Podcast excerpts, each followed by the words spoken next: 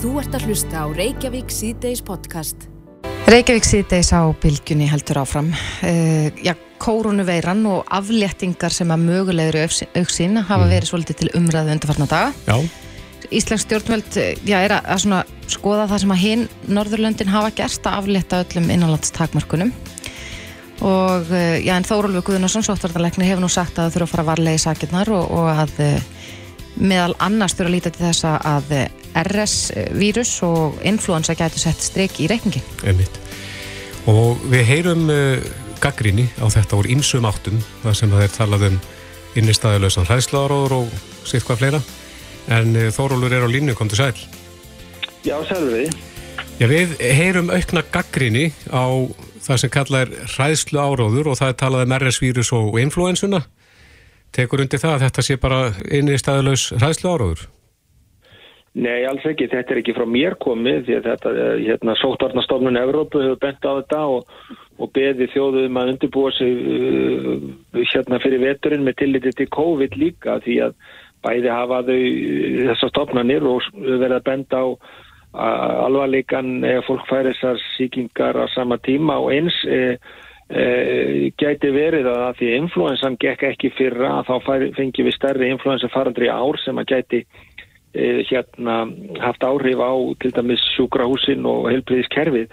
Þannig að þetta er ekki frá mér komið, þetta er ekki eitthvað ég, sem að ég er að búa til, þetta er að sem að norrannir kollegar, norrann heilbriðisíðuvöld er að tala um og heilbriðisíðuvöld í Breitlandi og, og, og hérna Sótandastofnun Evrópu hefur lagt áherslu á þetta og, og ég hef heilt líka aðila frá alþjóða heilbriðismálunstofnunum tala um þetta þannig að Þannig að þeir sem er að tala um til hefur lausan hræðslu áróður, þeir hafa bara ekkert kynnt sér málin alveg.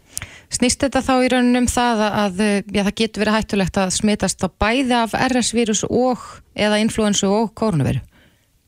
Já, nú er náttúrulega RS-veiran er aðalega að veira hjá uh, bö- litlum börnum þó hún getur líka lagst uh, alvarlega á eldri einstaklinga og er svona mísöfn eftir árum. Uh, auðvitað vita menn það ekki nákvæmlega hvernig, uh, hvernig það er að, að fólk fær báðar þessar veirur á sama tíma að þetta hefur, koronaveirun hefur ekki verið það lengi í gangi og það er aðgerið sem hafa verið gegn koronaveirunu hafa skilað því að að influensan hefur ekki verið, var ekki í gangi hér síðasta vetur og, og RS uh, faraldri var mjög víða hvergi í gangi, Eh, við fengum nokkur tilfellir reyndar hér uh, á Íslandi, en, en þetta er óvitað, þetta er bara sem menn er að vara við.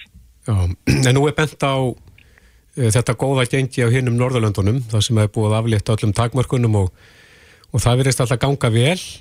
En þú lætur hafa eftir að, að við eigum ekki endilega að horfa á reynslu annara þjóða, heldur okkar eigin. Já sko, við þurfum að bara horfa á þetta í víðu samhengi, það er náttúrulega ekki rétt að það sé búið að aflétta öllum aðgerðum á hinnum Norðurlöndunum, þetta er svona svolítið yfirdreifið, ég var nú í samtali við kollega mína á Norðurlöndunum í gær og það er vissulega að Danir eru búin að aflétta öllu, uh, norðmenn eru nýbúinur að aflétta öllu en til dæmis uh, finnar en það með takmarkanir í gangi og, og er það með bólusetningapassa sem að fólk þarf að sína fram á, á vissum stöðum og, og faraldurinn er á uppleið í Finnlandi og, uh, og hérna og við erum aðeins að sjá aukningu líka í Danmörku uh, í, í greindum tilfellum þannig að Þannig að þetta er ekki eins og við séum bara setjum allt eftir og allir hérna hafi það betur en við. Mm En nú hafa stjórnvöld talað um að, að eh, já, svona takmarka löst samfélag sé markmiðið. Hvenar verður það hægt? Verður ekki alltaf RS-vírus eða influensa eða eitthvað annað sem að mun aftur okkur?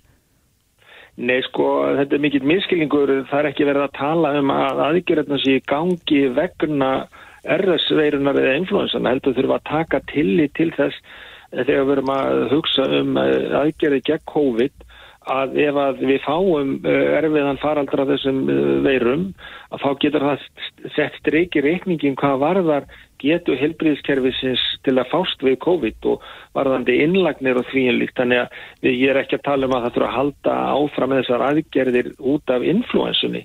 Það heldur þurfum við að reyna, við erum að tala um að venda helbriðskerfið og hluti af því er að reyna að hafa kerfið þannig að, að, að, að það geti til dæmis tekið á móti influensu og RS eins og við gerum vennileg. En þá þurfum við líka að hafa bólmakt til að geta fengist við COVID-19. Serðu fyrir að við getum verið með uh, engar takmarkanir í sóttöðnum á næstunni? Ég, ég hef nú gefið þá í minnisblæði til eh, hérna ráðherra fyrir nokkru og, hefur verið áltið í umfjöllun, það var það en ekkert mjög mikið þó, að ég tel að, að, að miða við að faraldurinn sem það í gangi í Erlendis og miða á það reynslu sem hér eh, hefur verið að það þurfum við að uh, getum við átt að vona því að þurfum við að búa við einhvers konar takmarkanir hér í einhver tíma og sérstaklega við talaðum takmarkar á landamæri og það er svona mín, mín sína á þetta ef við viljum halda faraldrunni nýri. Nú við höfum verið með takmarkanir á, á landamærunum uh, og við höfum verið með takmarkanir innanlands sem að hafa haldi faraldrun í þannig skefjum að það er uh, veriðstur ágætlega viðræðanlegt fyrir heilbreyðskerfið og þá er það bara spurningin, getur heilbreyðiskerfi tekið við fleiri sjöklingum, til dæmis eins og spítalinn og það er það sem ég þarf að ræða við uh, landspítalinum og, mun gera það á morgun og, og, og þá er það spurningin, getur við það slaka meira á uh, með þeim fyrirvara að við fáum þá aukningi í tilfellum en spítalinn mun geta átt uh, við það og fengist við það. Þannig ég held að við þurfum að horfa á þetta þannig að, að að við viljum helst ekki yfirkera spítalakerfi þannig að það hafi áhrif á helbriðisjónustuna almennt og, og aðra sjúklingahópa. Mm -hmm. En uh, Þorvaldur, hvar eru helstu hættunar þegar að ef við horfum til þessa að eh, ef að takmörkunum erði aflétt hérna innanlands? Stundum hefur verið talað um aðför gegn djamminu að, að það er hættulegt að erum við lengja opna tíma skemmtist að er hættan helst yes. þar?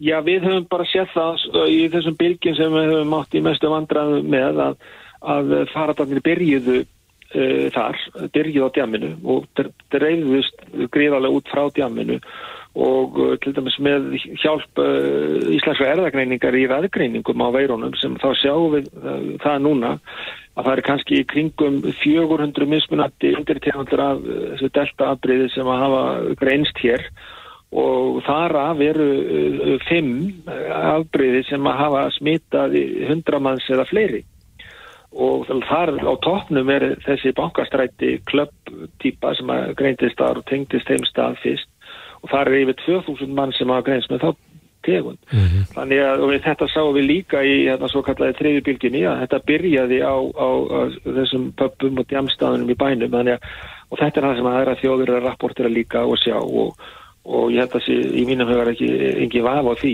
ég hef öðru leita ekkit að móta þessum stöðum, þetta er bara ef við verum að hugsa um hvað er uppsprettan á þessum smitum, þá er hún hefur verið hjá okkur og öðrum aðalega á þessum stöðum. Já, en e, það stýttist í nýtt minnisblad, getur þú sagt okkur í hvað áttir þú varst að hugsa? Já, það er náttúrulega alltaf verið að hugsa um hvort það sé ekki hægt að að leta á og, og hérna á þeim takmörkunum sem er í gangi og það er bara allt, uh, þannig núna líka og við erum bara að skoða okkar gögn og fara vel ofan í það hvað hva við teljum uh, hérna áhættu minnst að slaka á og, og fara hægt í sakirnar þannig, þannig hef ég talað alltaf og ég uh, held því áfram og síðan er það bara stjórnvöld sem verða ákveð endanlega hvað, hvað þau vilja gera. Já og nú er til dæmis starfstétti sem að þurfa að vinna með grímu Eh, við erum að tala um eh, hársnirti fólk, sjúkara þjálfur og aðra slíka. Já, já. Er, er ennþá þörf á því að, að þetta fólk vinni með grímur daginn út og daginn inn? Já, það, það er nú þannig að sko, ef við til og meins horfum eh, til erlendra landa eins og meins bandaríkjan og fleiri, það eru miklu meiri grímuskylda en hér og, og þeir hafa sínt fram á það og halda því fram með, með rökum að, að grímur nótkunn sé einna, einna, einna besta aðferðin til að forðast smitt getum við slaka á því, já ég held við þurfum bara að horfa á það eins og, eins og annað. Mm -hmm. Já við býðum spennt eftir nýju minnisblæði, Þórlu Guðnarsson, Svottvarnarleiknir. Við býðum öll eftir nýju minnisblæði. Já, takk kærlega. Sjöfumleis. Bless. Takk fyrir, bless. Hvað er fólk að tala um? Reykjavík síðdeis á bylgjunni. Veitingastæður. Þú ert að hlusta á Reykjavík síðdeis podcast. Reykjavík síðdeis, það er mikið verið rætt um heilbyrðistjærfið, sérstaklega núna í aðdraðanda síðustu kostninga. Já eins og við heyrðum nú líka bara hérna í eh, málflutningi Þóráls Guðnarsson, sóttarnarleiknis að þá liggur mikið við að við þurfum að venda heilbyrðiskerfið og hann talaði nú um að, að það væri erfitt að sleppa öllum takmörkunum hérna innanlands ef að í tengslu við kórnuveri faraldurinn, ef að uh, heilbyrðiskerfi getur ekki tekið við þeim sem veikir eru. Einmitt. Og staðan á landsbítalum hefur náttúrulega verið mikið í umræðinu og ímist tala um að þar vanti peninga en, en eða eitthvað annað en það er kannski mest rætt um það að fólk kemst ekki af spítalan sem að það líkur inni og þá er talað um eldra fólk sem að þarf þá hugsanlega að komast í einhvers konar hjúkunarými Já, og, og ba- fyrr á þessu ári var líka bara rætt um, um slæma stöðu að, að eh, ég, það, það vanti peninga inn í það kerfi líka. Mm að snýst þetta bara um peninga, það er spurningi Já, það er svona öll rauk nýja því að eh, þar liggi hundurinn grafin en á línunni er Björn Bjarki Þorstinsson formaður samtaka fyrirtækja í velferðarþjónustu, kom til sæl Já, sælverði. Já, þarna liggur hundurinn grafin að margra mati að það er þessi margumtalaði fráflæðisvandi og þið, þið komið þar vantilega við sögu? Já, já, við tökum þátt í, í, í hérna, og er, erum í samstarfi e, e, no- nokkur hjúkurna heimili varandi hérna svo kvöldu beðurými að, tökum við einstaklingum sem að eru nýtt aldrei færir um að fara af landsbytalunum og yfir á hjúkunarými og við höfum tekið þátt náttúrulega í þessu verkefni á COVID-tíma af, af mikill einur hjúkurunar heimilin. Okkur tókst til að mynda góðu heilli að, að verja landsbytalan á, á, þannig að, að sem betur fer kom ekki upp mörg tilfelli COVID á hjúkunarheimilunum þannig að við þurftum ekki að senda fólk frá okkur á spítala þannig að þar stegum við í og, og líka í þessu samtali en ég held að sko við þurfum að nálgast þetta sem sameigilegt verkefni að, að auðvitað erum við sammálum að það vantar einhver leiti fjármagn inn í, í helbriðismólinn í heilsinni og þar eru hjúkunarheimilin ekki undanskilin. En ég held að ef að, að helbriðiskerfið og, og, og stopnarnir þess fóði tækifæri til að tala saman, vinna saman og, og, vinna af því að finna lausnir þá veldi svona mörg tækifæri líka sem að væri hægt að, að horfa til. Já, en það er sparnaður í því að, að koma fólki inn til ykkar frekar heldur en að hafa það í, í dýru plossin á spítalunum Já, við höfum sínt fram á það og, í rauninni er bara til tölulega greiningar á því að, að dagurinn hjá okkur á hjúkunaheimilunum er, er, er mun ódýrar heldur en að, að, fólk velja á landspítalunum ef það þess þarf ekki. Sko. Þetta eru fólk sem þarf að vera, vera á spítala út af sínum uh, sjúkdómi en, en, en, en, en sömur hverjir eins og nú er rætt um til að mynda varandi bráðadeildina og aðra deildir á landspítalunum að það er, það er fólk í þeirri stöð að geta mögulega farið á hjókunarheimil og dagurinn hjá okkar kostar innan við 40.000 krónur á meðan að, hann er metin á rúmlega og ríflega 100.000 krónur á spítala. Þannig að sjóðagslega eru, eru, eru hjókunarheimilin mun vænleiri kostur og, og í rauninni heimilsleiri bragur líka og, og kostur fyrir þá sem umræðir þar að segja einstaklingarna sem að er, er þeirri stöð að geta ekki verið heima á sér. En er að ykkar mati einhver tímabundin lausn, er hægt að gera eitthvað til þess að brúa byli þar til að aðstæðar eru orðnar betri eða í raun og hjúgrunar í málinn fleiri? Sko, það hafa ekstra hjúkunarheimila á höfuborgarsvæðinu uh, bóðið upp á valdkosti sem að hægt væri að grípa til tímabundið. En, en Hvaða kostir eru það? Til að mynda var helsuvend bauð upp á fyrir, já, um ári síðan upp á að geta bóðið upp á valdkost fyrir 100 rými. Uh, ég held að í ljósi þess að því var ekki svarað þá er sámöguleiki allavega sinni fyrir bí en, en mögulega þetta að, að, að hérna, endur með það og eins Soltún bauð upp á valkost á Oddsson hóteli 77 rými af með minnur þannig að það, það hafi verið, verið velt fram til stjórnvalda ákveðnum möguleikum og, og hérna ég raunin bara það hafi verið gott ef hann hefðist samtal og að því að sko öll horfum við í sömu átt þar að segja að einstaklingum sem hér búa líði sem best og sem bestur aðbúnaður og, og ég er handið sem það að það er vilji stjórnvalda eins og okkar sem að hérna, sjáum um og rekum hjúkunarheimili. Hefur verið þrengt að hjúkunarheimilunum á síðasta kjörtímabili?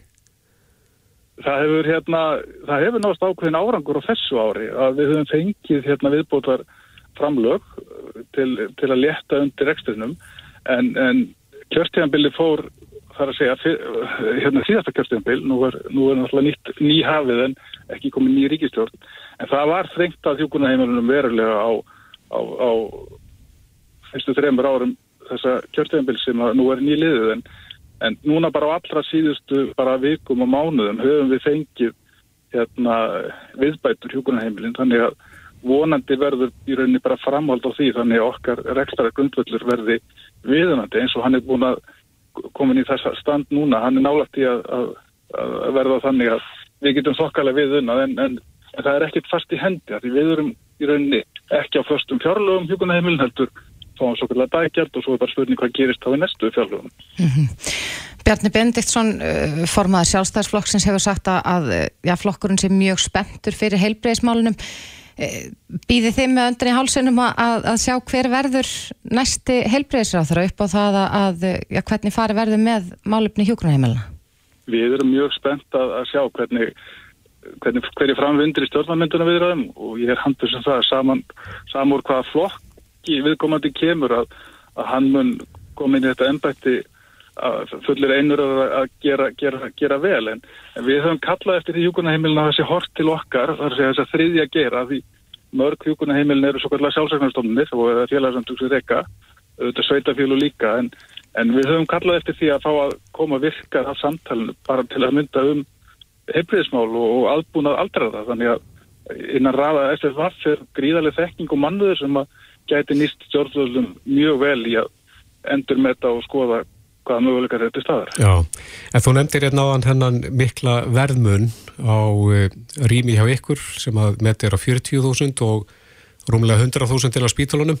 Er eitthvað að vita hversu margir það eru sem að eru í dýruplassi en, en gætu verið hjá ykkur?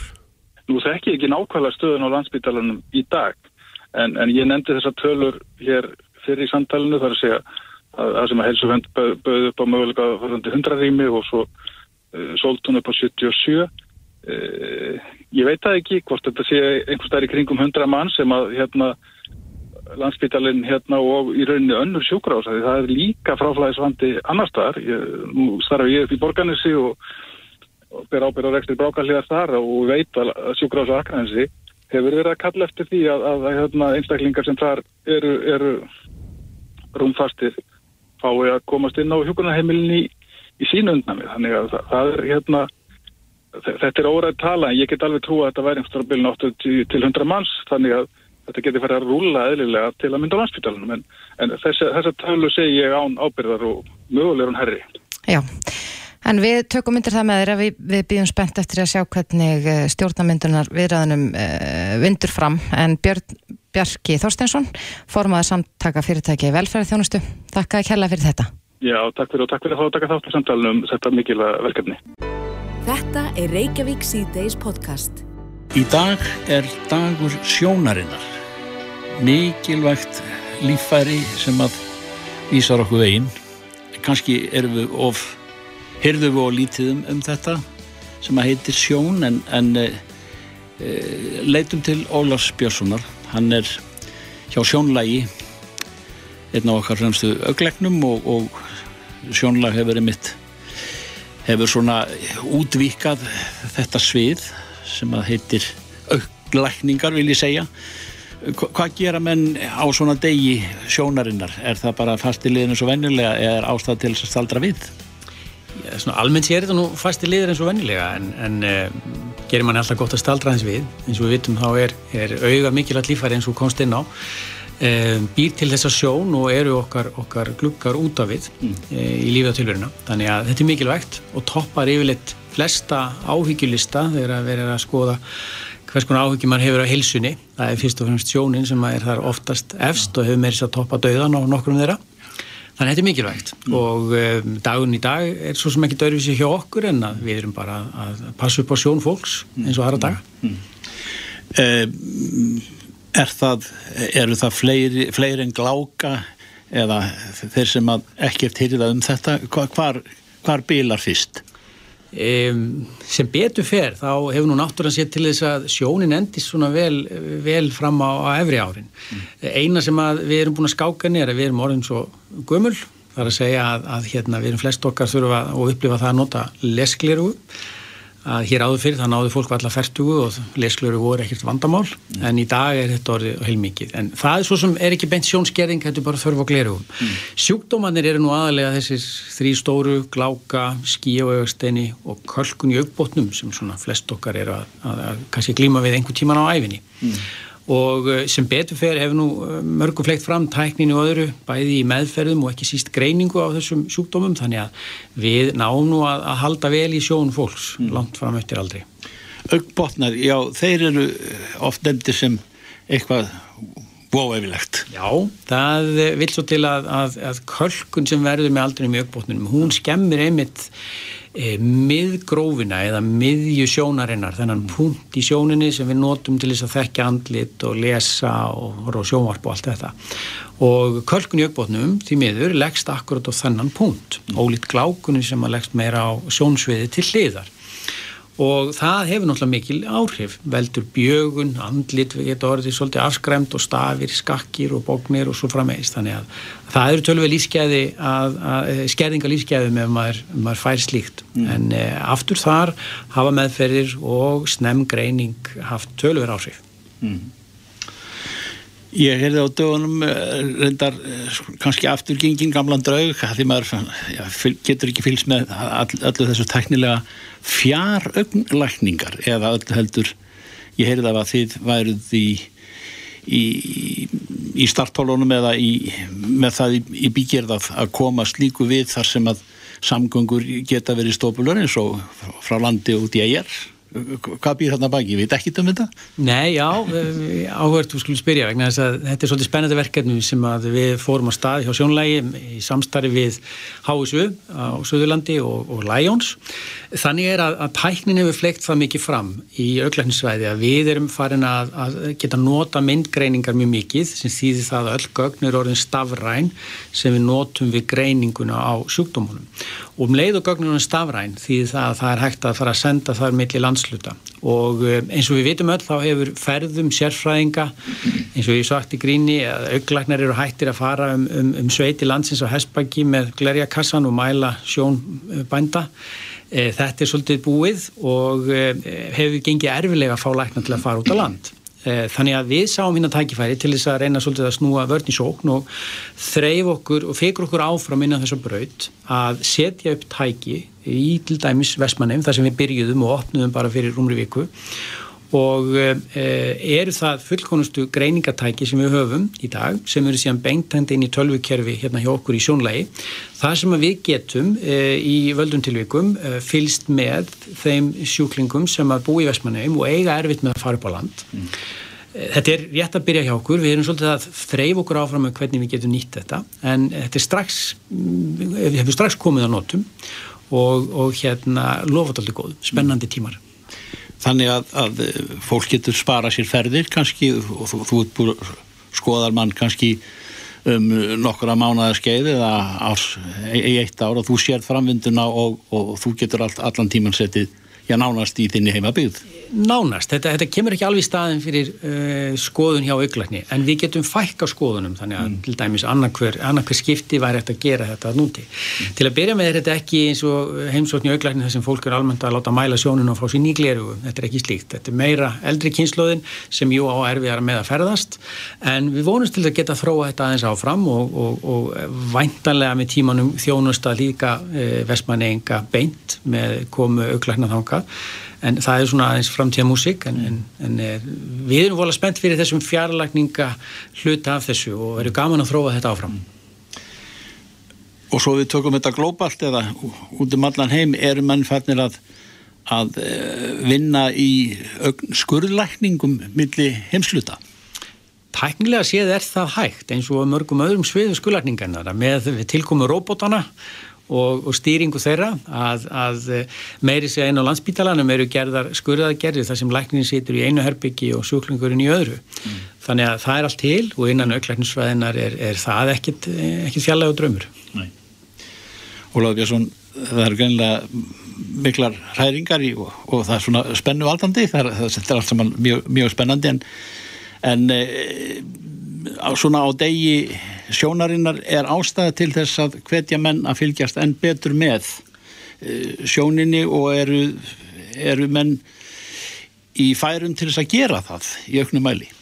Ég held að við búum það vel á Íslandi að þrátt fyrir alls konar bölsína og íslenska helbískerfi þá er það nú hansi gott á marga mælikvarða og við höfum flest okkar gott aðgengi að læknum og uh, það á heima hér eins og annar staðar að, að við vitum alltaf heilsan er ju það mikilvægsta sem vegum án hennar gerist lítið mm. og ég held að sjónin sé nú svona þarna einna efsta bladi mm. og já, því mikilvægt að láta fylgjast með mm. augunum sínum Takk fyrir þessa mínundur Ólafur, ég veit að byggstofan er full Eins og alltaf, takk Reykjavík síðdeis á Bilginni podcast. Reykjavík síðdeis hörmungafrétti sem að berast á Nóri Svo sannarlega. mjög sorglegar. Eh, Þar gekk bógmaður laus í gær og myrti fimm manns, fjórar konur og eitt kall. Já, þetta eru hryllilega fréttir að, að vakna við, að svona opna fréttamila og sjá þetta snemma í morgun. Já, En uh, já, þetta, ja, Öryggistofnun Norex segir að, að eh, þetta hafi verið hriðjuverka árás. Já skilgreind sem slík. Akkurat, og þetta var 37 ára gamall karlmaður sem að, framti þessi voða verk. Já. Allir Steit Guðmundsson, blaðamaður í Nóri er á línu, kom til sæl. Komið í blessuð. Já, norska þjóðin vantarlega eins og aðri slegin. Já, það má nú segja. Þetta er svona óþyrmilega áminningum aðbyrðu sem gerðist náttúrulega fyrir slétt um tíu árum, 22. júli 2011, þó að það hefði náttúrulega verið með öðrum formerkjum. Það er svo tími sem er liðin síðan Andverring Breivik fram til sitt ódæfi, svo nú bara endur tekur sagan sig, þó sem betur fyrir hafið það verið minni hópur núna, en, en auðvitað er þetta gríðalegt áfall og í bæi eins og Kongsberg sem er náttúrulega bara eins og Garðabæra eða hver að gera eitthvað, það er náttúrulega alveg ótrúlegt. Þannig að já, já, hér, hér er mikið uppnám og fjölmiðar algjörlega fullir, fullir af þessu máli í, í dag og síðan í gerðkvöldi. Það er líka það sem hefur kannski vakið óhug og, og aðtekli er, er aðferði sem að maðurinn notar. Já, það verður að segja sem svo er að þetta er nú langt í frá langt í frá hefðbundið aðferðafræði og ferðagangum með, með bóð og örfur en hann reyndar var hann vopnaður tveimur öðrum vopnum sem að lögregla hefur vegna rannsókanhagsmunna ekki vilja gefa upp hver voru en, en hann mun hafa beitt þeim líka upp að einhverju marki en, en lögregla hefur varist allra frétta þessu en hitt er vissulega mjög óvenjulegt að menn gangi um með, með skotfæri á borðið bóða og örfar. Það hefur verið sagt í fjölmjölum í daga að uh, maðurinn hafi snúist til Íslandstrúar og öfgahyggju og hefur hlotið nokkra dóma á undirförnum árum. Hvernig er umfjöllunin í norskum miðlum um þetta mál? Og hans persónu? Það var náttúrulega fjallað um, um bæði þessa, þessa hérna, þessi síðaskipti hans yfir til, yfir til öfgakendrar Íslams trúar og hafði náttúrulega verið gaggrind að lögregla var vöru við þessu, henni var bent á hann árið 2020 að minnstakosti og árið 2017 þegar, þegar æskuvinnur hans uh, hafði sambandi við lögreglu og gaf það út að, að þessi drengur væri eins og reynlega tífandi tímasprengja. En eitthvað var döðferstu því en það náttúrulega gríðalögu fjöldi slíkar ábendinga sem, sem lauruglu berst en einni hefur það komið ljósa öryggislauruglan PST henni var kunnugt um þennan mann áður en þetta gerðist og hafiði haft hann til skoðunar og afbróta ferill hans snýst meðal annars um nálgunabann sem hann eftir að hafa hótað nánum ættinga sín og lífláti þá fekk hann dæmt á sér nálgunabann það var nú bara í mæ í fyrra 29. mæ í fyrra, 6 mánuða nálgunabann sem hann svo rauð án þess að nokkuð hafi komið fram um að það hafi haft einhverja sérstakar afleggingar og svo er einhver minniháttar fíknefnumál en hann er alltaf með afbróta feril og það kom strax snemma í gerðkvöldi fram eftir þetta gerðist að hann var það sem kallað er góðkunningi lögreglunar í Kongsberg sem hafði haft af honum afskiptu oftar en einu sinni og, og oftar en tvísvar. Já, en það hefur líka verið gaggrind sér maður í fjölmiðlum þessi tími sem að tók að hafa upp á manninum. Eh, Þeir, það er talað um að lögreglan hefði mist sjónar á honum í ykkur tíma og þá hafa það- flest morðin á þeim tíma. öll reyndar skils mér að þau- hann er, hann er fyrst hérna lögreglan kemur fyrst að honum uh, klukkan held í 12 mínútur yfir, yfir 6 í, í gerðkvöldi þarna í nágræni við þessa kúpverslun sko. Og hann grýpur þá til, til boga síns og skýtur örfum að, að lögreglu sem að uh, leita þá skjóls og hann honum testa að forða sér á, á meðan. Reyndar hefur engin svona almennileg frásögn verið höfð upp af þessu en allavega þarna missi lögreglan sjónar á honum. Alveg þangað til hann er handtekinn klukkan 18.47 minni mig og það er alveg hálftími. og á þessu tímabili er því haldið fram og kom fram á bladamannafundi lauruglustjórans í Suðustrumdæmin í morgun að öllin fimm myrtu hafi í rauninni mætt örlugum sínum. Þannig að þetta er auðvitað, auðvitað mikil gaggríni sem þarna kemur fram á laurugluna og mikil spurt á þessum bladamannafundi í morgun hvað hva, hva, hvernig þetta hefði tekið hálftíma í þessu litla bæi að grípa þennan mann aftur og og lauruglustjóra aftur svo sem engin, engin skýrsvöru því, sagði bara lauruglega hefur skort af það yfir sín og, og það hefur verið, verið mikil ringulreið og, og, náttúrulega dæmi hver sem villum það en, en auðvitað er ábyggilega eitthvað til í því með það sem gerist þarna. Það er oft mikil reyði sem að grýpur um sig í tjálfar svona atbyrða er, er krafað með einhverja breytingar frá almenningi.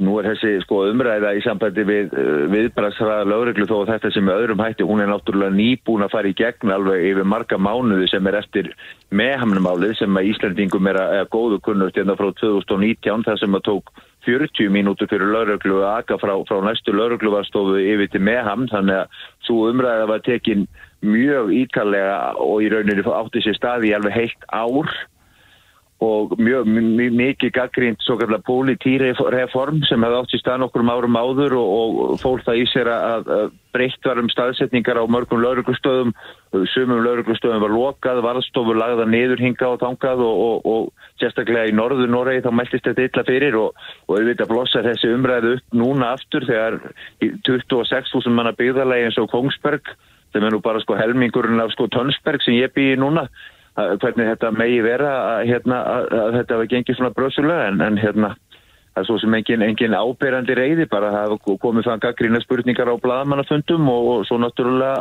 er þessi umræða sína leið eins og alltaf er. Mm -hmm. okkur var ekki tiltæk okkur, okkur var, var hérna voru allir sem gáttu flói í lauruglu fyrtlu á sama tími fríi þegar Breivik fram til sitt ótaði 2011 þetta kemur alltaf upp aftur og aftur og mun alltaf gera líklega. Já, hefur eitthvað verið fjallað um það uh, í Noregi hvort að já, þessi maður hafi bara hreinlega gengið berserksgang og, og uh, miðað bóganum að, að hverjum sem í vegi hans varð eða hvort hann hafi já, verið með einhverja svona, hvað maður að segja, einhver, einhver markmið með þessu. Valið skotmarkin sín? Já. Nú las ég það ekki fyrir lengu á, hjá, á vefnum hjá Vakti að, að suma þessum drápum hefði oft síst að heima hjá fólki, hann hefði farið, farið inn á heimili þannig að það var nú ekki, ekki líklega ekkit af þessu sem að líklega enginn sem var mittur í þessari, þessari vestlun sjálfri en, en hann mun hafa farið inn til fólks. En ekkert hefur komið fram með það hvort að hann hafi valið fórtunlega sín fyrirfram með nokkur um hætti en, en spurningi núna er náttúrulega hvort að þetta skuli skoðast sem þriðíverk og nú er, er lauruglan og öryggislauruglan PST farin að hallast mjög í þá átt, ekki síst í ljósi þess ljósi trúaskoðana mannsins sem komist í hámæli í morgun. Mm -hmm. En hefur komið fram eitthvað krafum það að norska lauruglan sem að öllu jafnveg gengur ekki um vopnið að hún vopnist? Já, nú var, nú var það gefið út í gerðkvöldi að, að, að laurugla í Noregi erði vopnu í nokkra daga, það gerðist líka árið 2011 en það er ekki verið að ræða held ég núna e, hvort að um almenna vopnaburð skuli vera að ræða en, en náttúrulega hefur það lengi verið, verið það fyrirkomulega að lögregla er með að mista kosti skambisur í, í læstum hyslum í, í beifræðum sem að þeim eiga þó ekki, ekki opna nefn að fá samtiki fyrir því og, og Víða gengur lögregla, lögregla vopnu til dæmis á Gardimáflugöllinum þá er, er lögregla með skambisur og, og og hérna þannig að en það er ekki verið að tala svo sem um að, um að, að almennir laurugluþjónar út um allt gangi um vopnaðin en það verður þannig núna í nokkra daga og þángar til þessi óknirtalinn liði hjá vegna þess að laurugla metur og svo að hætta sig á að einhverju kunni að, að fara að dæmi hans og í, í einhverju aðdáðanakasti og, og reyna að fremja eitthvað svipa. Þannig að núna er svona viðkvæmt ástand og verður í einhverja daga. Þángar til laurugla metur það svo að ekki sé lengur ástæða til, til að vera algjörlega á varbergi mm -hmm. Já, við höldum áfram að fylgjast með þessu málu og ég veit að það byrtast alltaf nýjustu fréttirinn á vísi.is en Alli Steinn Guðmundsson, bladamæður í Noregi. Takk að kærlega fyrir þetta. Jú, gott að heyri ykkur í beða helsa til Íslands. Reykjavík síðdeis á bylginni. Jæja, Reykjavík síðdeis, það er nú fáir málmar sem hafa verið eins pólitistýr á landinu eins og álið. Ég, ég held að það sé alveg hár rétt hjá þess. En uh, ég verða áli í kauphöllinni með málma í London. Já. Uh, nálgast 3200 dali mm -hmm. verði hefur ekki verið jafnhátt síðan árið 2008 og þetta hefur viðtæk efnaðslega áhrif hér á landi Hvað er það sem að veldur því að álið er svona dýrt í dag? Það er góð spurning Við ætlum að spyrja Pétur Blöndal Frankondastjóra Samál sem er á línni, kom til sæl Sæl og blessið Kanski byrjum á því, hvað veldur þessari e, hækkun á álverði? Það e, er auðvitað margt sem spilar inn í Um, þetta er auðvitað ekki ótengt uh, COVID og, og kannski eftirmála þess. En, um, en uh, ef maður talar um álina þá er fyllin í herbygginu alltaf Kína og uh, þró, uh, þróunin þar um, sí, síðustu mánuði hefur verið þannig að, að, að það hefur verið tölverður orkuskortur í Kína um, og það hefur valdið því, maður, maður lest hann bara í Economist að, að, hérna, að það er kveikt á kert, kertum í búðum og, og, og, og heimilum og, eins hefur það þau áhrif að, að, álverum gengur ítla að tryggja sér næga orku til þess að, standa undir fullri framleiðslu. Þannig að álframleiðslan þar eh, hefur eh, dreigið saman á þessu ári um, um já, hátt í 5 miljónir tonna Já, hversu Og- mikið hlutfall eru kynverðir að framleiða ef, ef við horfum sko bara á heldina? Þeir eru að framlega rúmlega helmingin af öllu áli sem, sem svona frumframleitu áli sem framleitir í heiminum. Uh, við vel yfir 30 miljónir tonna og, og, og e- ef maður horfður um sá þessu tölu 5 miljónir tonna þá, þá á Ísland eru framleitt um, um 830.000 tonn uh, á, á, á, í fyrra sem sagt og svona þegar, þegar framleitt er að fullum afkvörstum er það svona uh, upp undir 900.000 tonn Hva, hvað En- er það en- í en- prósentu en það er talið af heldinni sem að Ísland Eh, framleiðir? það myndi vera einhver staðar uh, já um, uh, það myndi vera einhver staðar svona 0,7% 7-8% Þannig að þetta er dróp í hafið. já, eh, þetta er auðvitað dró, dróp í hafið ef, þú- talar um í samingi við Kína en, en, en til massum bara eh, hvað hva Kína er stórt á markanum að þá eru 5 miljónir tonna e, sem, sem bara framleiðslan dróst saman þar. Ekkert annar land í heiminum framleiðir 5 miljónir tonna. Þannig að, að, þannig að e, og til dæmis Evrópu markaður þannig að okkar, okkar megin markaður er Evrópa. Og, og um, ég, ég held að það sé einhverstað um, um, um 4-5 miljónir tonna sem, sem framleitt eru innan Evrópu. Og, og, og Norraugur eru þetta stærsta uh, álframleiðslu ríkið en, en við komum þar á eftir. Þannig að, að þetta eru þetta bara spurning við hvað þú miðar Einmitt. En uh, af þessu áli sem að framleitt er í heiminum, uh, hversu mikið af því er framleitt með endurnýjanlegum orkutjöfum og grænum eins og, eins og hér? um, það er eh, sem sagt um, ég það, það ekki nú ekki nákvæmlega hlutastöluna en, en, en sem sagt í Kanada, Noregi og hér um, erum við þetta fyrst og fremst með uh, sem sagt endur nýjalega orkugjafa og, um, og kólefnis fótspor álframleysli í Evrópu er það lægsta sem sagt uh, í samanbyrði við, við aðrar, aðrar heimsálur en, en það er eh, sem sagt kólefnisfótspori verður mjög óhægt eftir að þú tekur inn uh, álframleysluna eins og til dæmis í Kína þar sem að hérna um 90, 80-90% álframleysluna er knúin með, með kólum og hefur raun verið svona leið til þess að, að, að svona leysa úr, úr læðingi strandaða kólorku svona viða í Kína eins og í Mongóli og hérna og um, og byggja þá álverð þar og, og setja inn á, inn á uh, hérna uh, heimsmarkaðin og, og, og það hefur sem sagt ástæðin fyrir því að það hefur gengið upp uh, hjá þeim hefur verið svo að, að og eins og kom fram í skýslu OECD fyrir tveimur árum að, hérna, að ríkistyrkir eru hverki uh, meiri til álfránislega heldur en í Kína þannig að þeir svona þeir borgar niður framleiðsluna og, og, og, og þess vegna hefur svona ódýrt ál flætt, flætt frá áli sagt, flætt frá Kína sem inn á markaði uh, annars í, annars vegar í heiminum Mhm. En, já. en eftirspurn eftir áli er alltaf mikil. Gætum við framleitt meira við þar aðstæður sem að að við búum við í dag? Til þess að mæta eftirspurnina einhver leiti? Um, uh, semst, eftirspurn hefur verið að, eins og segir, hefur verið að aukast og, og ár frá ári og það, það er kannski svona öfundarefni, má segja, an, an, annara greina en, en, og, og hefur með það að gera semst að, að uh, þar sem að um, kostir áls hafa nýtt í til dæmis hérna framsóknin í, eða barátunum við í lofslagsmálum þar sem að hérna til dæmis þetta er svona léttur og sterkur málmur eins og við vitum og, og er notaður í bíla bæði til þess að létta ramaspila þannig að það komist lengur, lengur á rafliðinu og eins hérna e, draga þá úr orku eh, eða, eða eldnætis e, brennslu hérna e, annara bíla. E, það er svona til dæmis einn ein, ein, ein svona megin eftirspurnar aukningin eftir áli mm sem að hefur fallist í því.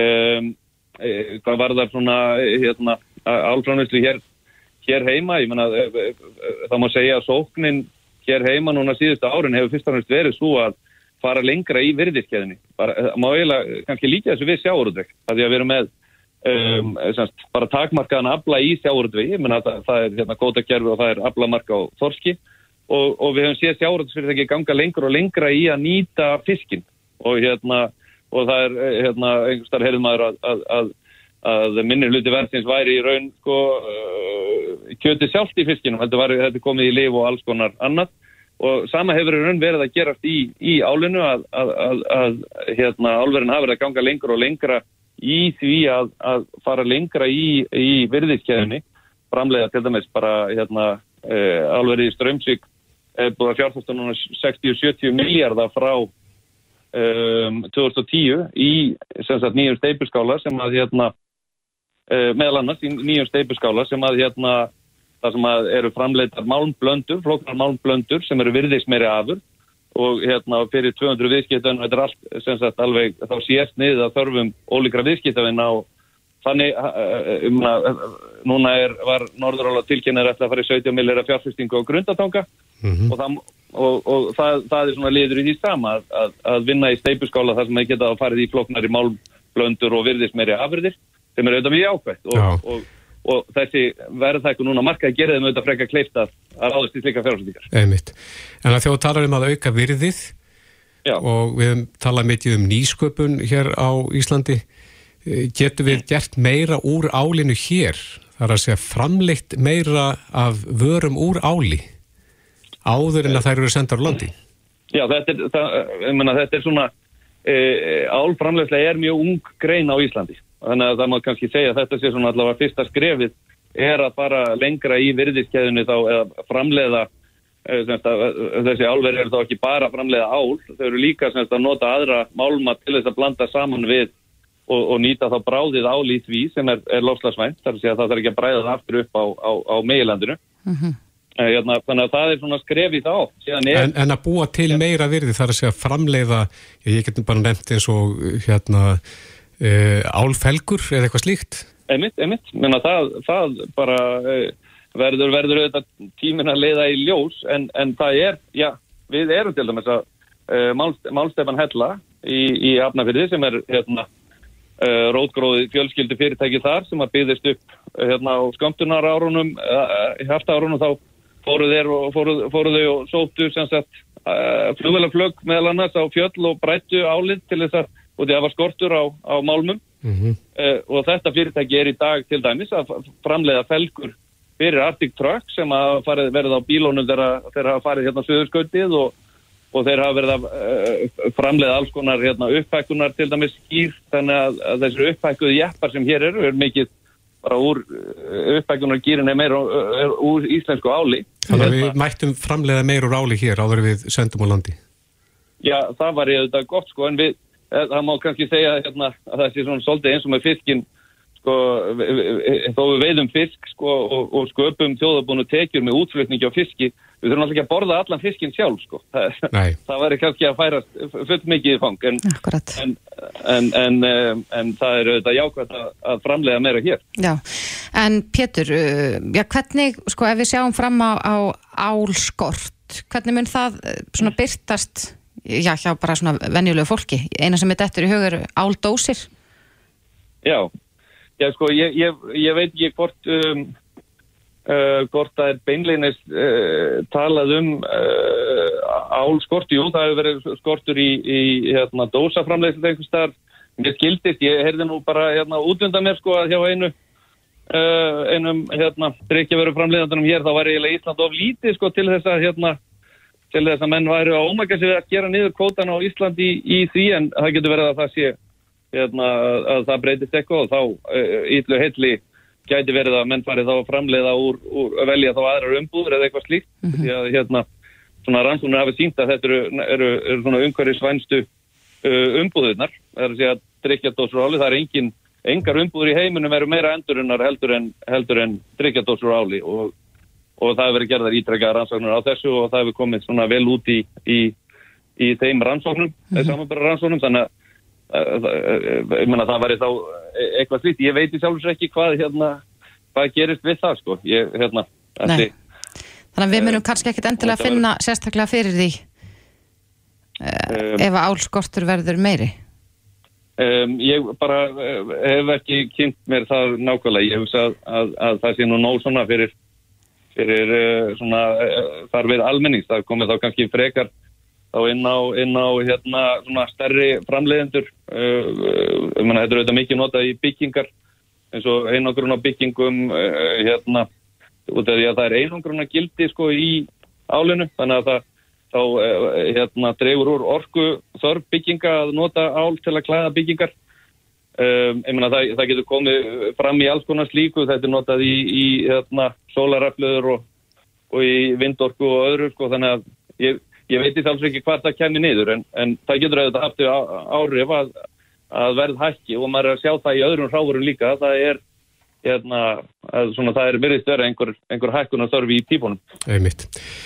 Pétur Blöndal, við erum að sjá hvernig þróunni verður í, í þessu. Þú ert frangotastjóri Sam Áls, Já, ert með puttan á púlsinu þegar það kemur á álinu. Kæra þakki fyrir þetta.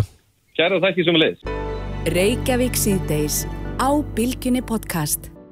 Jæja, Reykjavík síðdeis, eh, það er, veturinn er að bresta á Já, og það þýðir eitt í hugumarkra að bókaflóðið brestur á líka. ég verð að segja að ég er bara mjög spennt fyrir bókaflóðinu Já. Ég hef alltaf mjög gaman að því af svona þessum ástíma að, að velja hvaða bækur ég ætla að lesa eða hlusta á Einmitt. Það er einn sem að stendur svolítið upp úr núna í það minnst í okkar huga og við rákust á titil og það er alltaf ekki titillin sem vekur mest aðtikli. Jú, svo sannarlega, hún heitir Þú þarft ekki að vera svo mikill aumingi Já. Þetta er sjálfsjálfar bók fyrir karlmenn sem vita að sjálfsjálfar bækur eru bara fyrir aumingja Ef ég ætti að giska á það hver hafi skrifað þessa bók, þá myndi ég giska á Þorkil Mána Pétursson. Ég ætla alltaf að giska á það þó að hann siti hérna hjá okkur Þetta höfundurinn sjálfur Þetta er nú ekta titil sem að þú setur saman. Já, ég sá það einhver skrifa undir því tilgæti bókina að þetta veri mánalegast í titill á bók sem við séð sko. Já, ég tek undir það. Þannig að jú, jú, ég, uh, jú, jú, titillin kom fyrst og síðan kom textin. Já, það var þannig Þetta er fyrsta bókin sem þú skrifar eða hvað? Já, þetta er fyrsta bókin sem ég skrifa. Nei, í raun og veru get ég eiginlega sagt ég hafi skrifað fleiri bækur sko. og þessa bók hafi ég skrifað örgulega þrísvara fjórusinum.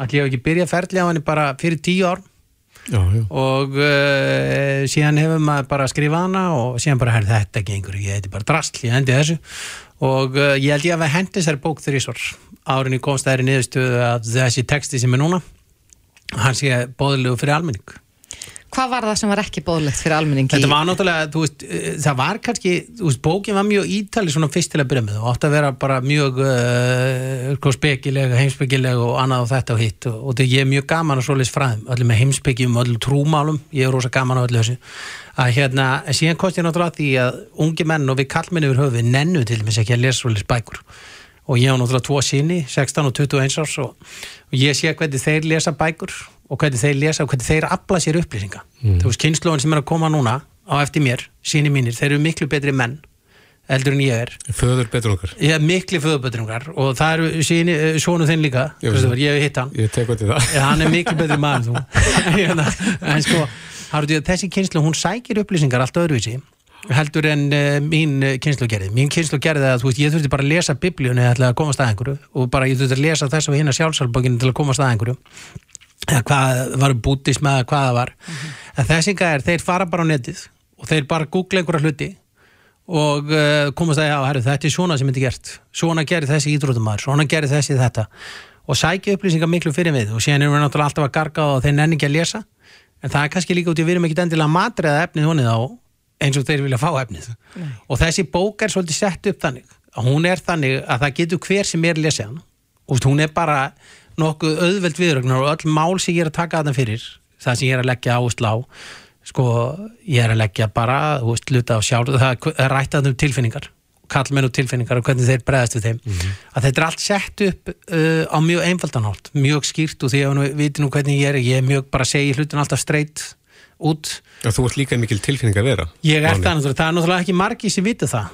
En sko og, og, og, og sem er kannski gerir sér ekki gerum þeir er alltaf náttúrulega, þetta sé alltaf bara máni hrókakíkur og ég er oft kallaði strigakjaftur og hrókakjaftur og allt þetta. En síðan er ég náttúrulega ekki svoleiðist þegar ég hef slögt á mikrofónum klukkan 12 þá Nei, er Ég, kannski ég þekkju það sem að þekkju þig. Já, þannig að þá er ég kannski bara einhver allt annað náengi og þetta er náttúrulega, þessi bók kemur náttúrulega, ég er búin að vinna mikið með kallmenni gegnum tíðina veist, og ég er náttúrulega kallmaður sjálfur og búin að prófa það í 45 ára að vera kallmaður og þetta er svona alls konar mál sem við lendum í og komið upp í okkar lífi. Nefnd okkur dæmi. hvernig við hefum að díla við það. Hvað á ég að nefna einhver sem gott dæmi maður? Hérna ég, það er bara hvernig við eh, til dæmis eh, sko afbreyðsami hlutinu Mhm. tökum bara að vera afbreyðsamur og það hérna e, e, það er einn með, ef þú ert í sambandi sem byggist upp á afbreyðsami þá áttu bara alltaf að hætta því. Þú ert ekki að vera sko, vera að eyða tímanuðinum í svoleiðis vitlis ef þú treystir ekki maganuðinum þá er þetta samband ekki sko, þess virð að vera að eyða þessi tímanuðinum menn halda oft sko að tilfinningar sé einhver svona afbreyðsami að það sé bara að þú sé svo afbreyðsamur að þú elskar eitthvað svo mikið og kallmaðurinn er svo afbreyðsamur að konan sé svona og, og hins eginn og sé að tala við þannan að, að það sé út í hann elskina svo mikið þetta er bara þvæl Já, skilabóðin eru bara það að þetta sé þvæla. Það kemur líka inn á það sko hvernig sko, við hefum raun og verið að díla við alla hluti bara eins og sko, ábyrða, ábyrða hluti. Hjálparu körlum að komast út úr afbreyðsinin eða hver, Já, út ég- hvað gengur þá Já, kaflinn í sko, bókinni? þegar eh, sákapli gengur út af það raun og veru, að, sko, að þú er, þú er raun og veru að hugsa sko, díla hans með sjálfa þig þannig Mhm. því þetta er náttúrulega þitt eigið óöryggi. Og þú þarf bara að horfast í augu við það að hvað þú ert óöryggur og það er þarna inn á hvort sambandslitt, það komið inn á það hvernig gengur í starfi og vinnu hvenær þú hefur að taka því, hvernig þú hefur að taka við höfnulunda, hvernig þú hefur að byrja ábyrðaði og síðan er kannski það sem er uppáhaldi mitt. Sem því náttúrulega kannski hann ekki kynast hérna sko, það er það að vera finnst, mm það finnst mér að vera grunnatrið í öllu í lífinu það er að maður sé heiðalugur en síðan vil ég náttúrulega komið fram að margir skrifa sjálfbærbækur í gegnum tíðina. Að sko ég skrifaði ekki þessa sjálfsjálfbók út að ég er svo fullkomin bara það sé alveg á kristaltælu ég skrifaði þessa sjálfsjálfbók út að ég er það alls ekki. Veist, ég er svo langt frá því að vera það. Og ég þarf alltaf að díla við sjálfum mig. Ég þarf að hafa mjög mikið fyrir að vera í veist, ég, ég þarf að gera það sko. Hvort ég er í- til þess að koma í veg fyrir hvað ég verið gramur og pirraður og, og finnst eitthvað ósangjart stráku finnst ofta ósangjart þessi í bjöliðinu en aðliðinu í fótbolta. En finnst ósangjart þessi að fengi vinnuna en ekki þeir. Og þetta er svona snýstu hvernig þú er að díla við þessar hluti líka En ég, mér langar að spyrja, fyrir hverja er þessi sjálfsjálfarbók? Herðu, Þegar oft ég- talað um að fólk sé sko í krísu og þess vegna fer það í sjálfsjálfarrekkan í bókabúðinni. Já. Er þetta fyrir alla eða þá sem eru... Þetta er náttúrulega bara fyrir kallmenn 15 eh, til 52 ég segi þetta sé 15, þetta- það er aldrei svo bara sem ég díla við það er ég hafa einn vinn sem er 52 ára og við hefum rætt alls svona mál þannig að ég segi þetta sem fyrir kallmenn 15 til 52 þú ert ekkit endilega hendi í þessa bók þegar þú ert hérna það er bara gott og bókin er skrifuð þannig þú veist það getur komið upp eitthvað atrið í lífinu og þá getur þú bara farið í bókin og flettin upp En er þetta ekki fyrir konur sem vilja skilja kalla? Já, hvað myndi gerast ef ég myndi lesa Þú bók? mötti bara hafa gaman að lesa þessa bók sko. en þú veist, en í grunninn er hún sett kannski fyrir kallaði, konur munur náttúrulega lesa þetta og kaupa þetta, uh, sko ömmur munur kaupa þetta, þetta barnabönnunum sínum með einhverjum og, og konur munur alveg örglega að lesa þessa bók. Ég, þessi bók áttur að fá fullt af gaggrinni áður en okkur hefur lesið stafiðinni bara titillinni þessi eðli sko. Hann gæti stuðað stuða einhver en ég hef sem ekki miklar áhugjör af því. Ég hef ekki áhugjör af neinu stendur í þessari bók og ég stend við allt sem stendur í þessari bók. Já, en uh, Máni, forsala er hafinn. Já, forsal á kronika.is það er náttúrulega kemur út af því að það þarf svona að vita sirka bát hvað við þurfum að fá mikið það er svo erfitt að fá tré þess að dana nei, ég, allir papir er nú ekki búin til tré en, en meira hlutin á honum. Það hérna, skal ég segja þér hérna eh, það er vist þannig, það er mikill tré sko og þú veist að hlakka til bókaflósins sko, ég veit með ekki það þetta verður mjög, bækund að koma mjög seint í ár því það er papirskortur í Evróp Já. Þetta er svoleið sko. Að, og ég, eh, sko, það er líka spurt hvort ég eh, ætla ekki að gefa þetta út á hljóðbók. Já, Ég var alveg að segja það að ég hef ekki hugsað mér endilega að gefa þetta út á hljóðbók út af því að þessi bók er náttúrulega skrifuð þannig að þú átt bara að nenn að lesa þetta er það auðvelt sko að lesa þetta.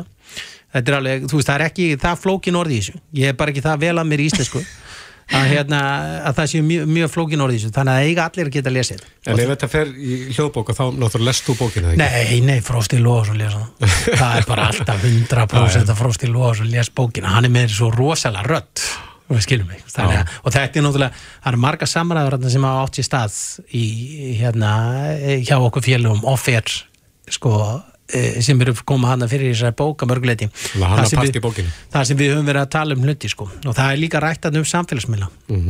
En það verður það að vera hvernig við höfum að hafa okkur á samfélagsmiðlum og hvernig við höfum ekki að hafa okkur á samfélagsmiðlum. Ég er að segja að ég mun lesa þessa bók, sko. Já, það er Ég bara er bara mjög spennt.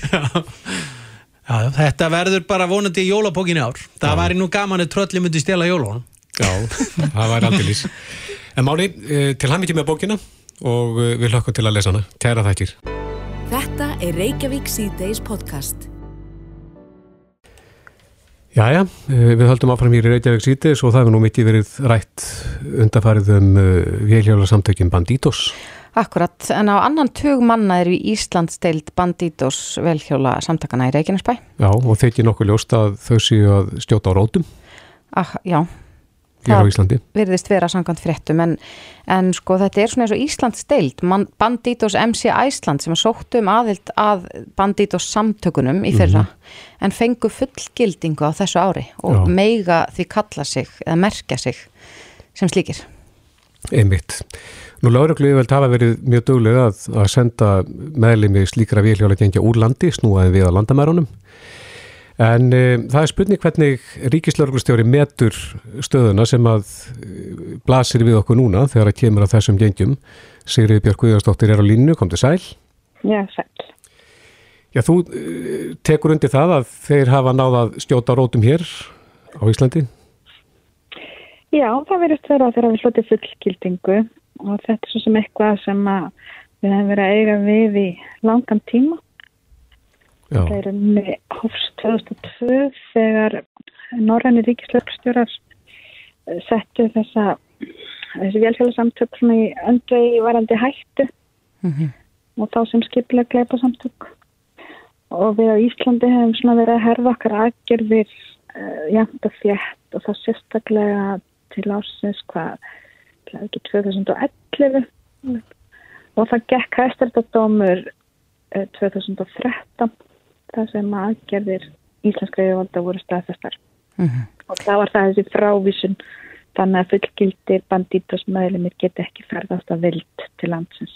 Nei, en uh, já, það, það var viðtal hérna í vikunni við Helga Gunnlússon afbrótafræðing sem að, sagði að það veri full ástæð til að hafa áhyggjur um, og að uh, yfirvöldum hér hafi tekist vel að koma í veg fyrir að festi rætur. En, en nú virðast þeir komnir til að vera eða hvað, er eitthvað hægt að gera í slíku sérstaklega þegar um er að ræða uh, já, klubb sem er skilgreindur sem skipulög glæpasamtök af alþjóðlegum lauruglustofnunum Já, sem sagt, það var skoða á sínum tíma hvort að það ætti að banna hérlega samtökinn Hérlandi. Það var líka skoða hvort það ætti að banna merkin þegar mann voru að nota þau til að okna eða reyna að þinga, ná einhver þingun fram. mm -hmm. En hérna, það er svo sem ekki verið á borðinu síðastlegin ár. Kom eitthvað út úr þeim skoðunum? Það var allavega ekki talin ástæða til þess að sínum tíma heldur var orkan sett í að gæta þess að, að sagt, aðilar úr erlendum eh, samtökum samkynja ættu ekki greiða leið til landsins. Nei. En uh, þeir hafa náð fullgildingu eins og segir, breytir það eitthvað stöðunni? Við verðum eiginlega bara að meta það og sjá hvað gerist. Við erum að fylgjast með eins og, eins og með öðrum gleipa samtökum og, og laurugliði völdi hverju umdæmi eru vakandi fyrir þessari okk og svo flugvöllurinn eh, fyrir ferðunum. Já. Og síðan er það samstagsverkefni að hérna vísa þeim á landi. Það er samstagsstofnana sem þarf til þess. Já, en þú sagðir að það hefur verið skoðað hvort að það ætti að banna uh, sko, samtökin hér og það hefur verið gert meðal annars í Þískaland og í Hollandi. Uh, Þekkið það hvort að það hafi gefið góða raun eða reynt að stemma stigu við þessu? Það eru svona ymsar sögur af því og ég er svo sem ekki fylgst kannski nægilega vel með þróunin undanfærin ár vegna þess að það hefur kannski ekki verið efst að bauði hjá okkur. En það er full skoða mitt hvað hefur verið að gefast best og þá að endur skoða okkar snálgun sem hennar sem þess þarf. En uh, eru samtök að borði bandítos hér á landi undir einhverju meira eftirliti heldur en aðrir? Men við náttúrulega bara fylgjumst vel með skipilega brotastarfsemi og reynum að það, það er hátt á okkar forganslista að stamma stíðu við henni. Já. En serðu fyrir að, að svo bara þá komið til með að breytast eitthvað á næstunni? Svona í, í ljósi þessari frétta af, af þessari fullgildingu? Ég lögjast liðveldur alltaf að, að hérna, þróa sína starfsemi með sama hætti og, og glæpa samtök og, og glæpir þróast, afbrótt þróast. Þannig að við sjálfsög bara verðum vakandi fyrir þessum, þessu verkefni. Já, e- eru lögreglu yfirvöld á Norðurlöndunum, eru þau samstilt í þessu þar að að, að hefta ferðafrelsi þessar einstaklinga? Nei, það er ekki mjög algeng leið en það hafa verið ymsar aðgerðir og sérstaklega var mjög erfitt tímabil í Danmörku þar sem að hérna, þessi samtök börðust mjög harkala og þau sem svona eblast og dvína á viksl, þetta er aldrei þannig Mhm. og það var farið mjög miklar og marg, margvíslega aðgerðir í Danmörku. Þessum, þessum, þessum skipulegu kleipasamtökum. Er einhver aðgerðar áallun, já, s- segjum sem svo að þetta haldi áfram að stækka hér. Nú er talað um á annan tög manna eh, séu í Íslandsdeild bandítós uh, í Reykjanesbæ. Ef, ef að, að þessi Íslandsdeild stækkar, hvað gerir þið þá? Þannig kannski ekki hvað sem við segjum frá svona beinilís í útdarpinu en við erum með, með augun á þessu og lögreglegu vild eru það og samanbyrð þessa frávísanir sem hafa farið fram undir það er ekki gerðar í tómarúmi. Nei. Sigriði Björk Guðjónsdóttir, Ríkislauglustjóri, kæra þakki fyrir þetta. Takk fyrir mig. Hlustaðu hvena sem er á Reykjavík C-Days podcast. Já, einn mesti töffari kvítatjálsins er komin á kvítatjaldið á Íslandi, það er James Bond sjálfur. Já, og það er tæp vika síðan að myndin var frumsýnd, No Time to Die. Já. Og ég, ég held að séu svona ágætlega skipta skoðanir. Eh, Það var pallborð á vísi í dag þar sem fólk var nú eitthvað að takast á. Einmitt. En við heyrðum í einum mesta Bond aðdánda fyrir og síðar á Íslandi áður en að hann hafði séð myndina Jón Gunnar Gerdal, almannatengil, kom til sæl Takk fyrir, takk fyrir. Eh, Þú hafðir ekki séð myndina þegar við heyrðum í þessi síðast en nú ertu búin að sjá hana Já, ég skellti mér í, hérna, í þrjú bíó síðastliðin sunnunda og skellti mér með, guttarum mínum og, og konunni. og, eh, Það er heilug stund að fara James Bond, sko. Sérstaklega maður býða svona lengi. og þú er ekki orðið fyrir vonbreiðum Nei, alls ekki bara. og Hérna, þetta var alltaf bara vel, vel peppa en samanskapið með maður alltaf með miklar eftirvæntingar fyrir James Bond og að Daniel Craig myndir hafa bara líka bara verið það góðar að maður bara, maður hérna, ef maður skrúar væntingar í topp og ég var svo sannarlega ekki fyrir vonbröðum vissulega einhverjar skipta skoðunir og hérna eins og maður hefur heyrt og, heyrt og lesið og þykja of laung eða eða, helst að sem að ég hef séð svona semi-neikvægt eitthvað en ég bara get ekki verið sammála því í eina sekundu sko. Mhm. Hvað er hún löng? Þetta er náttúrulega þryggja tíma operation að fara að sjá hann í bíó, hann er tveir og hálfur næstu því sko. Þannig að hérna, uh, en að samanskapi, ég fann ekki fyrir því. Nei. Ég fann bara því að, ég nú bara, ég, ég líka veist, það sem að Craig hefur gert svo vel, finnst mér, að það er að meiri tilfinningarlega dýft og vikt í personunum og sögunni. Veist, James Bond er ekki lengur bara eitthvað heilalaust verkværi sem er hérna með leifi til að drepa sko. Þannig að veist, miklu, miklu sterkari einhvern veginn tilfinning að vera og svona bara frábæri leikari Daniel Craig sko. Já, rifja aðeins upp með okkur. Varst þú Daniel Craig maður? Hver er þinn uppáhaldsbond? Ég er alltaf, gegnum tínu, þetta er, er erfitt að, töffa, að toppa töffaraskapin í Sean Connery. Þetta er einhvern veginn að flestir getur verið sammála um það. Það minna, ég minna, veist, Dr. No kemur 1962, það er eitt og annað búið að breytast tíðan, sko. En, eh, sko, margar uppbólsmyndirni mín eru samt Roger Moore, og For Your Eyes Only, Octopussy, en ég er samt á því að Daniel Craig sé besti bondin. Ég finn bara, myndirnar eru bara það, það er, það er hrikalega góðar, vel skrifar og enn og aftur bara, já, það er bara meira kjöt og beinanum einhvern veginn finnst mér fyrir karakterina og þennan magnaða karakter sem að James Bond er, sko. Já, ég ætla nú ekki að þykjast vita of mikið um þetta en við, ég og Kristoffer hittum mann á förnum vegi í dag sem saði sko að Piers Brosnan væri hans maður og að hann hefði verið með svo mikið af svona tækjum og tólum eða svona gadgets. Saknar þess? Já, ég, nei, ég geri það bara ekki. Ég held ég að við komum aðeins inn á þetta hérna þegar við spjöldum saman um daginn og það hérna, fyrir mér var eitthvað nefn P.S. Brosnan, það bara orðið, þetta var orðið svolítið, uh, svona líku eins og hann verið teiknimdafíkura. Það bara, það bara bærðist ekki á hann um hárið, það var alveg sama hvað var að gera, sko. Og, og, og svo var hann bara með penna sem kann drepi alla í herbygginu eða einhvað, sko. það er bara einhvern veginn það fyrir mig og meðan með hefur bara verið bara með skambissu, nýfa, hendurnar, jú, að ræðins bótaka, komið smá gadget í, hérna, í úrinu, það komið í síðustu mynd og hérna, en að samaskapi þá finnst mér það líka miklu meira meira svona gritti, grófara og reynir bara, já, ég finn aðeins með svona relatable heldur en að sé alveg gaman á Q-karakternum og sem tækjum og tólum en veist, það bara döga mér úr og bíl, þá er ég bara góður sko. En ef við snúum okkur að þessa krítikinni, hva, hvernig finnst þér myndin sem slík og sagan?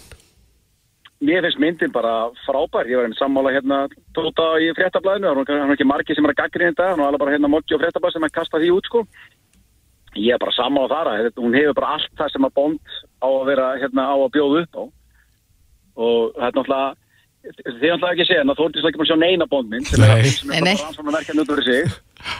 En, en hérna en fyrir mér bara myndi bara gengur frábæð löp, hún er bara brjálaðislega skemmtileg uh, æðislegt opnunaratrið, Bondumöndur eru trilltar sko.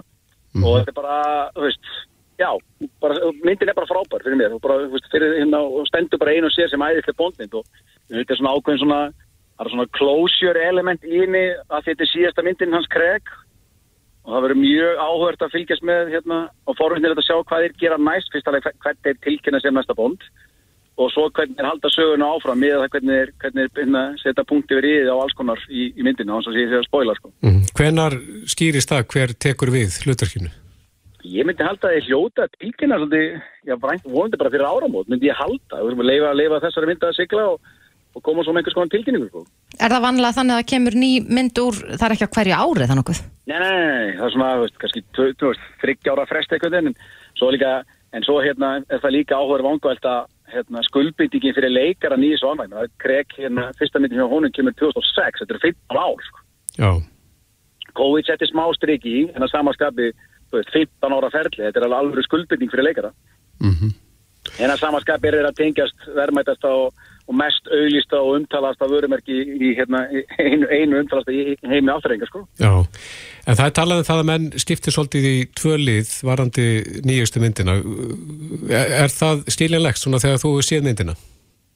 Já, ég meina, margir ekki kannski sátti við hérna endin hérna, og, og, alls konar element. Það er svo sem allt, allt í lægin. Ég held að sé ekki hægt að segja þetta sko, ég á alveg eftir að lesa það líka að það sé slagurbón, sko, hvað með góður. Þannig að, Já, það er eflust einhverju sem er eftir að fara sem að ákveða að skella sér eftir þessa uh, blómlegu rýni. Hvað, hvað gefur henni marga stjórnur af, af fimm mög- mögulegum? ég bara fyrir, hérna, fyr- fyrir bón þá er þetta fullt hús fyrir mér, alveg bara allan daginn. Glæsilegt. Og hún bara delivera því sem ég bjóst við og, og meira til. Já. Akkurat. Jón Gunnar Gerdal, uh, einn mesti bond aðdáandi Íslands. Takk kærlega fyrir þetta. Já, takk sem ég leiðis. Á Bilginni podcast.